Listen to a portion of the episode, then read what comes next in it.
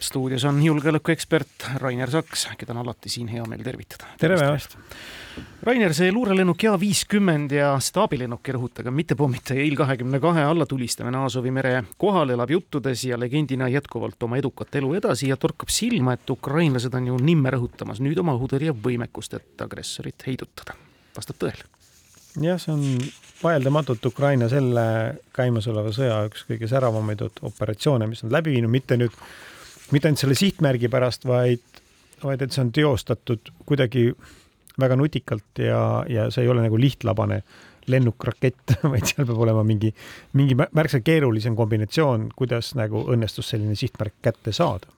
Ja pluss veel see, mis infooperatsioonini on juurde järgnenud, ehk siis igal moel on antud venelastele mõista, ärge enam Aasovi mere kohale ronige, ärge üldse kuskile ronige, et meie raketid saavad teid igalt poolt kätte. ja Ukraina õhuvägi ütles, et Ähm, et praegu, sest eile nad teatasid küll natuke vara võib-olla veel hõisata, aga nad teadsid, et noh, ainukesed äh, lennukid, mis praegu Aasovi kohal lendavad, on kaks, kaks rutiinset patrulllennukit ehk siis need on mingisugused hävitajad, aga noh, need praegu ei ole väga apetiitsed sihtmärgid Ukraina jaoks, on tõenäoliselt see on mingi väga-väga keeruline äh, operatsioon, kuidas nagu õnnestus äh, niimoodi ühekordselt läbi viia, ma arvan, et seda nagu rutiinselt niimoodi iga päev nagu korraldada ei, ei oleks võimalik ja ja mis ka tõenäoline on see, et see rünnak ei alganud samal päeval, vaid ta algas varem äh, mingite rünnakutega Krimmis, et äh, nende tulemustest ei ole väga palju teateid olnud.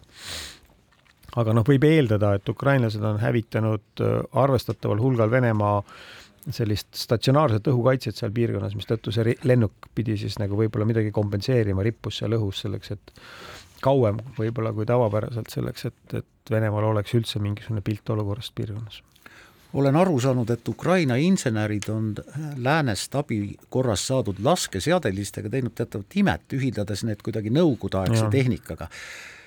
see töötab. kas äh, me saame rääkida ka selle nii-öelda hübriidsüsteemi kvaliteedist ma ei oska sellele küsimusele tõesti vastata, sest seda äh, ma isegi ei mäleta täpselt, mis nüüd need läänest saadud raketid olid, mida üritati sinna S-300 süsteemile külge panna et need on nagu vanemad raketid, mis on siis ka nagu niisugune keskmine, keskmine õhutõrje, keskmaa või kesktegev niisugune keskmaa õhutõrje. ja, ja sellega on tegeletud juba eelmisest aastast, kahekümne kolmanda aastast kindlasti juba alates, võib-olla isegi varasemast ajast. Ukrainal jäi neid S-300 süsteeme laskeseadeldisi päris mitu, aga raketid said otsa ja, ja siis nüüd oli siis, leiti see lahendus, et neid rakette, S-300 rakette otsiti mööda maailma taga. Neid vist ei leitud siis piisavalt või õnnestunud neid ka toota ja, ja selle tõttu nüüd see modifitseerimine peaks andma Ukrainale võimaluse tulistada niisuguseid odavamaid sihtmärke alla siis rakettidega, mitte nende mobiilsete igasuguste gruppidega, kes siis peavad neid Iraani droone taga ajama mööda Ukraina territooriumi no tegelikult peaks nüüd maa olema piisavalt hmm. külmunud ka Ukraina rindejoonel, kas seal on täheldada mingeid tegevusi, mille kohta saaks öelda märkimisväärne? no märkimisväärne on see, et see rindejoon ei liigu ja, ja, ja kui vaadata nüüd nagu seda, et Ukraina kordab siin alates äh, sügisest, ma pean silmas siin kuskil septembris, siis kui Ukraina ise lõpetas oma, oma selle suurema pealetungikatse, et Venemaa on sinna koondanud nüüd nelisada viiskümmend, kuuskümmend tuhat meest, viimane teada oli, et Venemaal on seal nelikümmend, nelisada kuuskümmend tuhat, no see siis puudutab ka tegelikult okupeeritud Krimmi ala ja seda lõuna poolt, eks ju. ja, ja kui me mõtleme siis selle peale, et sõda alustades oli Venemaal seal noh, ütleme sel hetkel, kui nad ületasid Ukraina siis selle eh, piiri, oli neil mingi sada kaheksakümmend tuhat meest, võib-olla isegi natuke vähem. see on kolossaalne vahe ja sellele vaatamata Venemaa ei ole suutnud läbi viia mitte ühtegi edukat pealetungioperatsiooni. pean ära küsima, ma olen teatavas segaduses, väga soliidsed meediakanalid viitavad üsna sageli anonüümsetele allikatele ja, ja sealt pärinevad vastuolud on või väited on vastuolulised. noh, CNN väitis, et äh, USA kõrgematele sõjaväeallikatele viidates, et Ukraina kaotab sõja selle aasta suve keskpaigaks. Saksamaa Die Welt aga ennustab ukrainlaste võimast pealetungi ja võitu selle aasta suveks, mida ma nüüd tegema pean? Ma ei saa öelda, et ärge lugege CNN-i või Die Welti, mõlemad on väga respekteeritud väljaanded, kahjuks annab see, ma arvan, et siin on nüüd, kui rääkida, noh, üritada neid kuidagi välja vabandada, siis Ukraina oma infopoliitikat muutis juba kahekümne teise aasta lõpus ja üritas saada kõik need igasugused blogid ja kanalid, kust tuli nagu infot, mis rindel toimub nagu kontrolli alla. ja neil oli selleks nagu selge põhjus, et see, see põhjustas neile täiendavaid kaotusi. aga praegusel hetkel on siis tekkinud nagu teatud infovaakum ja väga palju infot, mida äh, lääne meediakanalid levitavad, põhineb Venemaa blogidel või noh, ütleme Venemaa kontrolli all töötavatel blogidel.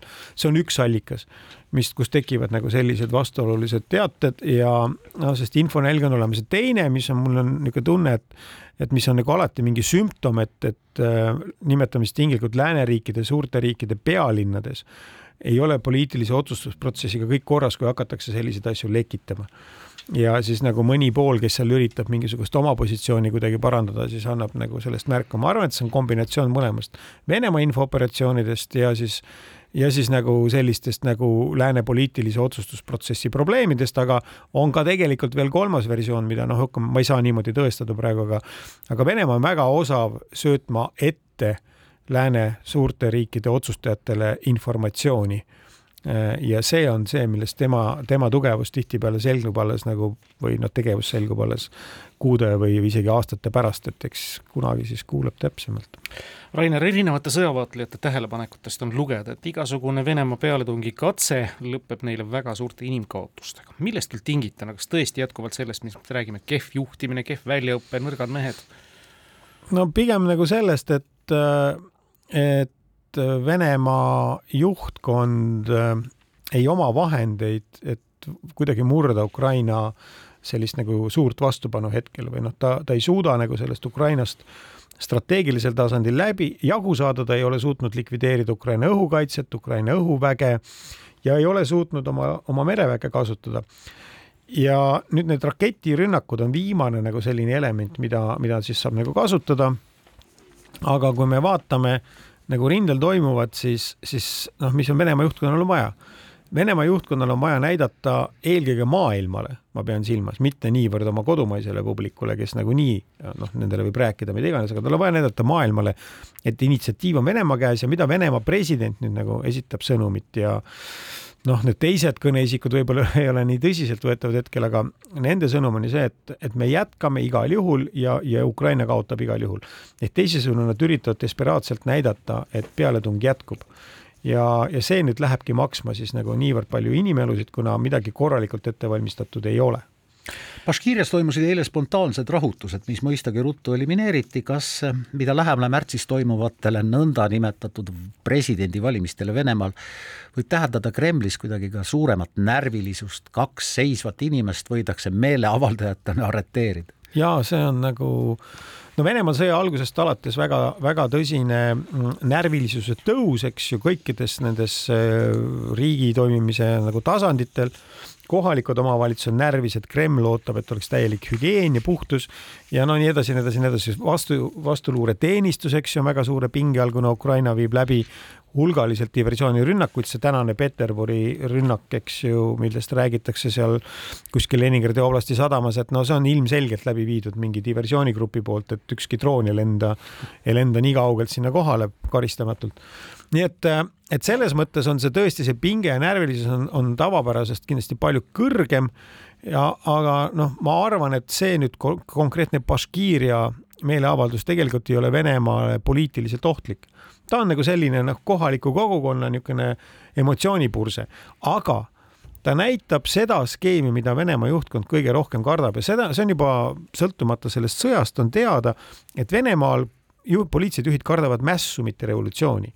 Kardavad spontaanset äh, ilma nagu eelneva pika arenguloota mässu, mis võib siis kulgeda mingisuguses ettearvamatus suunas. Ja nagu kogu Venemaa eliit teab ju tuhande üheksasaja seitsmenda aasta veebruarirevolutsiooni sellisena, et oli mingi suvaline, keegi korraldas mingi leiva puudujäägi Peterburis, tuli mäss ja see kasvas ootamatult üle revolutsiooniks. no sa eitad seda, mis eelnevalt ju toimus eelnevate pikkade aastate jooksul. suur tänu, et tulite sihikusse, julgeolekuekspert Rainer Saks, järgmise korrani! aitäh, palun!